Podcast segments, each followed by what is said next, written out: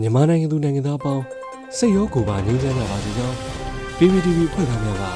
ဆုတောင်းမေတ္တာပို့သလိုက်ရပါတယ်။အခုချိန်ကစပြီးတိုင်းသားညီနောင်အင်အားစုတွေပြည်သူ့ကာကွယ်ရေးတပ်မတော် PDF တပ်သားတွေနဲ့ပြည်သူလူထုရဲ့အရှိန်ဟုန်မြင့်မားလာသောတိုက်ပွဲသတင်းတွေကိုစူးစီးတင်ဆက်ပေးသွားတော့မှာဖြစ်ပါတယ်။ကျွန်တော်ຫນွေဦးလင်းပါပထမဆုံးအနေနဲ့ဒီမို့ဆိုရင်တိုက်ပွဲဖြစ်ပွားပြီးစစ်ကောင်စီတပ်ဖွဲ့ဝင်6ဦးသေဆုံးတဲ့တဲ့ရင်ကိုတင်ဆက်ပါမယ်။ ကြရပြည်နယ်ဒီမို့ဆိုမြို့နယ်မြို့မှာရက်ကွက်ပညာရေးမှုရုံးရှိမှာကားနဲ့ကင်းလည်နေတဲ့အကြမ်းဖက်စစ်ကောင်စီတပ်ဖွဲ့နဲ့ပြည်သူ့ကာကွယ်ရေးတပ်ဒီမို့ဆို DMO Local PDF ဗျူဟာ3မှာ CDE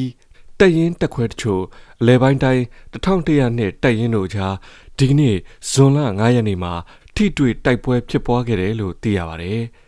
တိုက်ပွဲမှာနေ့လယ်တနာရီမှ2နာရီထိတနာရီကြာအောင်ဖြစ်ပွားကအကြမ်းဖက်စစ်ကောင်စီတပ်ဖွဲ့ဝင်6ဦးသေဆုံးခဲ့ပြီးပူးပေါင်းတပ်ဖွဲ့မှထိခိုက်မှုမရှိခဲ့ကြောင်း DMO Local PDF မှသတင်းထုတ်ပြန်ပါတယ်။တိုက်ပွဲပြီးမှအထိနာသွားတဲ့အကြမ်းဖက်စစ်ကောင်စီတပ်ဖွဲ့မှလက်နက်ကြီးရန်တမ်းပစ်ခတ်မှုကြောင့်ပြည်သူနေအိမ်တချို့ထိမှန်ပျက်စီးခဲ့တယ်လို့သိရပါတယ်။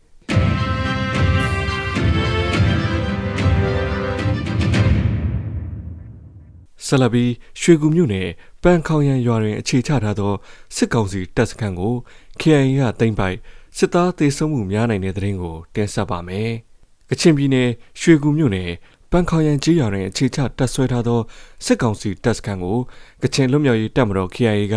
ယနေ့တိုက်ခိုက်သိမ်းပိုက်လိုက်ကြောင်း KIA သတင်းရင်းမြစ်များထံမှသိရှိရပါတယ်။ဇွန်လ9ရက်နေ့နနက်9:45မိနစ်အချိန်ကချင်ပြည်နယ်ရွှေကူမြို့နယ် ပန်းခေါင်ရန်ရွာတွင်တက်ဆွဲအခြေချနေရာယူထားသောစစ်အာဏာသိမ်းအကြမ်းဖက်စစ်တပ်၏စခန်းကိုကချင်လွတ်မြောက်ရေးတပ်တော် KIA တပ်မဟာရှစ်အမှတ်9တပ်ရင်းတပ်ဖွဲ့များမှတိုက်ခိုက်သိမ်းပိုက်ရရှိကြောင်းစစ်ကောင်စီတပ်ဖွဲ့ဝင်များတေဆုံးမှုများပြားပြီးထွက်ပြေးသွားကြကြောင်းအဆိုပါစခန်းကိုကချင်လွတ်မြောက်ရေးတပ်မတော် KIA တပ်မဟာရှစ်အမှတ်9တပ်ရင်းတပ်ဖွဲ့များမှနယ်မြေရှင်းလင်းရေးလုပ်ငန်းများဆောင်ရွက်ပြီးစီးပြီးစခန်းချတပ်ဆွဲလိုက်ပြီးဖြစ်ကြောင်းကချင်သတင်းရင်းမြစ်များကဆိုပါတယ်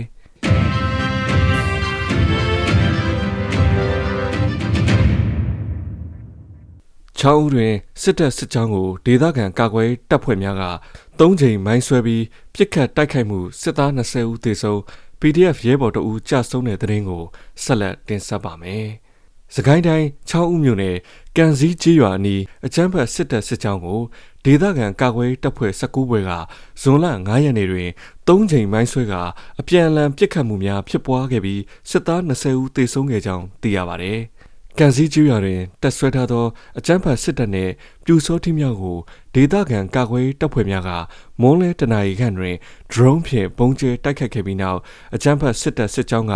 drone လွတ်တင်သည့်နေရာကိုလာရောက်ပစ်ခတ်စဉ်ကာကွယ်ရေးတပ်ဖွဲ့၃ဘွဲ့က point နေရာ၃နေရာခွဲ၍မိုင်းဆွဲတိုက်ခတ်ခဲ့ပြီးစစ်သား၁၈ဦးသေဆုံးခဲ့ပါတယ်။ ထို့သို့မိုင်းဆွဲတိုက်ခိုက်ပြီးနောက်အကြမ်းဖက်စစ်တပ်စစ်ကြောင်းကိုအသင့်စောင့်ဆိုင်နေသောကာကွယ်ရေးတပ်ဖွဲ့များက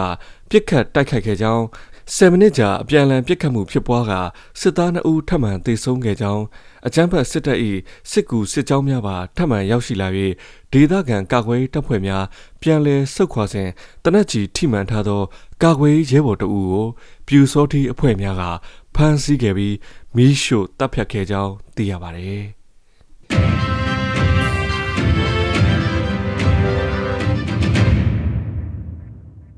ဆက်လက်ပြီးကဏီတွင်စစ်တပ်ကိုမိုင်းဆွဲတိုက်ခိုက်တောင်ရွာအဝင်တွင်စစ်တပ်နှင့် PDF တပ်များတိုက်ပွဲဖြစ်ပွားပြီးစစ်သား9ဦးထပ်မံတေဆုံးတဲ့တဲ့ရင်ကိုတင်ဆက်မှာပါ။စကိုင်းတိုင်းကဏီမြို့နယ်တပြေတော်ရွာနှင့်အုံးမင်စိတ်ရွာကြားတွင်အကြမ်းဖက်စစ်ကောင်စီစစ်ကြောင်းကိုဇွန်လ9ရက်၌ဒေသကာကွယ်တပ်များကမိုင်းခွဲတိုက်ခိုက်ရာစစ်ကောင်စီတပ်ဖွဲ့များအထိနာကြောင်း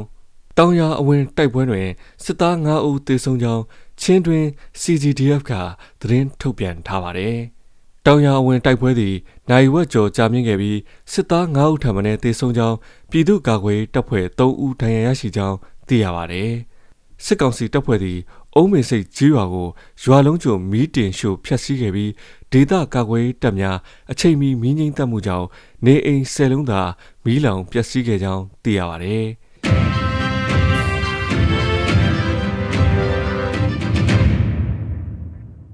စားလိန်ကြီးမြို့မှာရဲစခန်းကြံ့ဖို့ယုံလုံခြုံရေးဗန်ကာများပါဝင်မြို့ပေါ်တက်ဆွဲထားသောနေရာများကိုလက်နက်ကြီးအချက်120ကျော် PDF တပ်ပေါင်းစုပြစ်ခတ်တိုက်ခိုက်ဘိုးအဆင့်ရှိစစ်သား2ဦးပါဝင်9ဦးဒဏ်ရာရတဲ့တဲ့ရင်ကိုဆက်လက်တင်ဆက်မှာပါ။စကိုင်းတိုင်းစားလင်းကြီးမြို့နယ်မြို့မှာရဲစခန်းနဲ့စစ်ကောင်စီတပ်ဖွဲ့ဝင်များတပ်ဆွဲထားသောနေရာများကိုဒေသကာကွယ်ရေးမဟာမိတ်တပ်ဖွဲ့များကယမနေ့ဇွန်လ9ရက်နေ့ညတွင်တိုက်ခိုက်ခဲ့ပြီး စစ်ကောင်စီဘက်မှဗိုလ်လေးအဆင့်2ဦးပါဝင်9ဦးဒဏ်ရာရကြောင်းစားလင်းကြီး PDF ကသတင်းထုတ်ပြန်ပါတယ်။ယမနေ့ည10:15မိနစ်မှစတင်ကလက်နက်ကြီးဖြင့်အကြိမ်ရေ120ကျော်ပစ်ခတ်တိုက်ခိုက်ခဲ့ခြင်းဖြစ်ကြောင်းစစ်ကောင်စီတပ်ဖွဲ့များတပ်ဆွဲထားသောကြန့်ခိုင်ရုံရဲစခန်းလိုင်းကန်ဘောလုံးကွင်းနှင့်စခန်းဘန်ကာများကင်းဘုံနေရာများကိုလက်နက်ကြီးများကြားရောက်ပောက်ကွဲခဲ့သည်ဟုဆိုပါတယ်။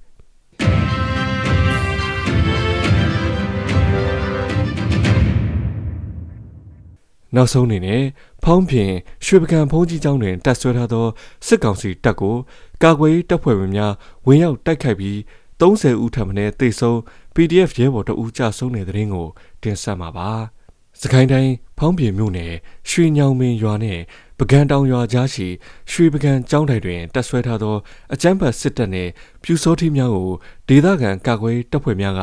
ဇွန်လ၄ရက်နေ့မွန်းလယ်3:30မိနစ်တွင်ဝင်ရောက်တိုက်ခိုက်ခဲ့ပြီးစစ်သားနှင့်ပြူစောထီး30ဦးထပ်မံတေဆုံးခဲ့ကြောင်းဖောင်းပြင် PDF တပ်ဖွဲ့များထံမှသိရပါဗျ။အကြမ်းဖက်စစ်တပ်နဲ့ပြူစောတိအဖွဲ့များတပ်ဆွဲထားသောနေရာကိုဖောင်းပြင် PDF နဲ့ ပကဖပူးပေါင်းအဖွဲ့များကဝင်းရောက်တိုက်ခိုက်ခဲ့ခြင်းဖြစ်ပြီးစစ်တပ်နဲ့ပြူစောတိအဖွဲ့များကအပြင်းထန်ခုခံခဲ့ကဖောင်းပြင်မြို့မှာရဲစခန်းမှာအကြမ်းဖက်စစ်တပ်ထံစစ်ကူမလာနိုင်ရန်ကာကွယ်တပ်ဖွဲ့များက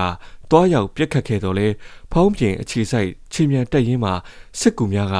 ငပြောတော်ရွာဘက်မှဝင်ရောက်တိုက်ခိုက်လာတဲ့အတွက်စခန်းကိုသိမ့်ပိုင်နိုင်ခြင်းမရှိဘဲပြန်လည်ဆုတ်ခွာခဲ့ကြောင်းသိရပါတယ်။ အဆိုပါတိုက်ပွဲတွင်ကာကွယ်တပ်ဖွဲ့များဘက်မှရဲဘော်တဦးကြာဆုံးခဲ့ပြီးနှစ်ဦးထိခိုက်ဒဏ်ရာရရှိကစစ်တပ်နဲ့ပြူစောတိဘက်မှ30ဦးထပ်မံတေဆုံးခဲ့ပြီးအများအပြားဒဏ်ရာရရှိကယနေ့ဇွန်လ9ရက်နေ့တွင်စစ်သား15ဦးလိုက်ပါလာသောကားနှစ်စီးဖြင့်စစ်သားနှင့်ပြူစောတိအလောင်းများကောက်သွားကြောင်းသိရပါသည်။